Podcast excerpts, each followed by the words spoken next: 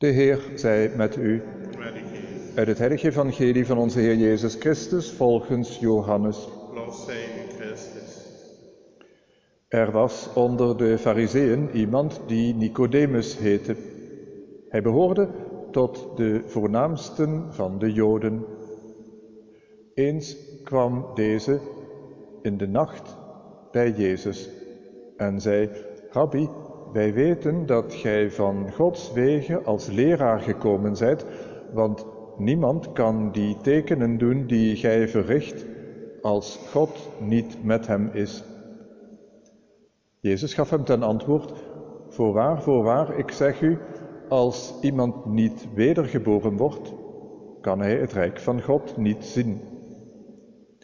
Nicodemus zei tot hem: hoe kan een mens geboren worden als hij al oud is?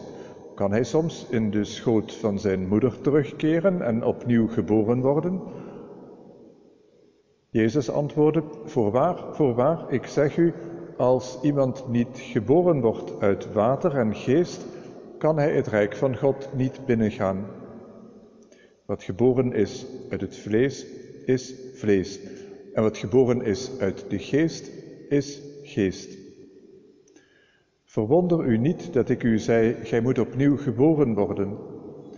De wind blaast waarheen hij wil.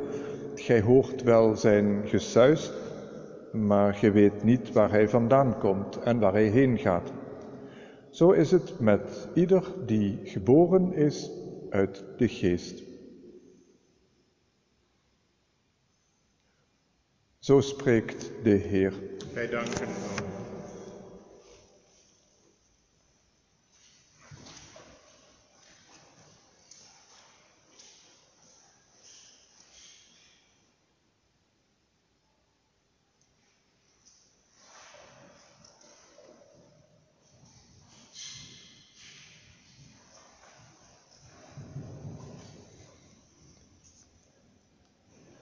Diezelfde Nicodemus, die in de nacht bij Jezus komt,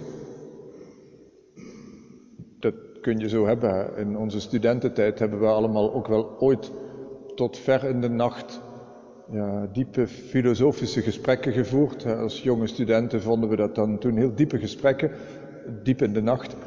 Um, deze Nicodemus komt als het ware als een filosoof naar Jezus luisteren.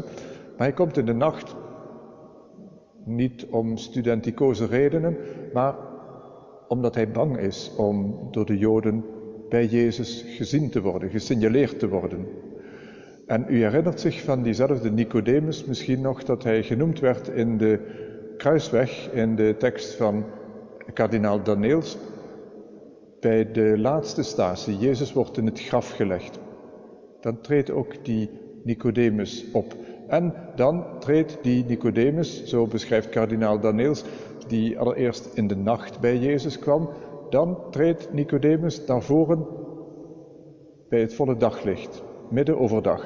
Dat mag iedereen zien, dat hij bij Jezus durft te horen.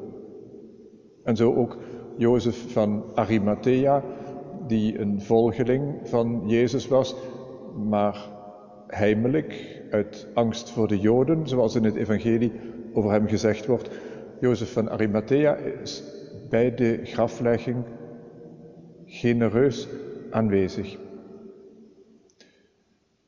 Kardinaal Daniels beschrijft zo hoe Goede Vrijdag al het begin schept voor Pasen dat daarop zal volgen.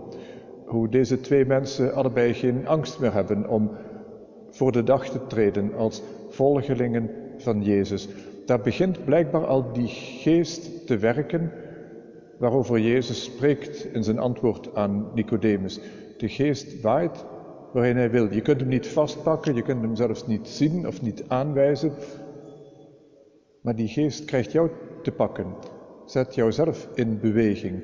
Dat is wat wij als pelgrims ieder jaar mogen ervaren. Dat je jezelf een beetje afhankelijk maakt losmaakt van je dagelijkse zekerheden. Niet weet uh, in wat voor bed je de komende nacht zult slapen, of dat riant zal liggen of niet. of er goed te eten is of misschien wel helemaal geen eten. Je maakt je afhankelijk op die pelgrimstocht naar Santiago, maar in feite ook op de grote pelgrimstocht van ons hele leven. Nou, de pelgrimstocht gaat dit jaar helaas niet door, net zoals heel veel andere afspraken en evenementen. De pelgrimstocht van ons leven gaat wel door. En de geest van God wil ook ons persoonlijk bewegen, dat we voor de dag durven te treden als leerlingen van Jezus. Dat we durven getuigen van Gods barmhartigheid die we gisteren zondag gevierd hebben. Dat wij zeker in deze problematische tijd, Gods barmhartigheid concreet handen en voeten mogen geven. Barmhartig zijn voor diegenen die achter gesloten deuren in een zorginstelling zijn, voor diegenen die zich eenzaam voelen, voor diegenen die wanhopig aankloppen aan de grenzen van ons welvarende Europa, voor diegenen in onze eigen familie en vriendenkring. Laten we bidden om Gods barmhartigheid.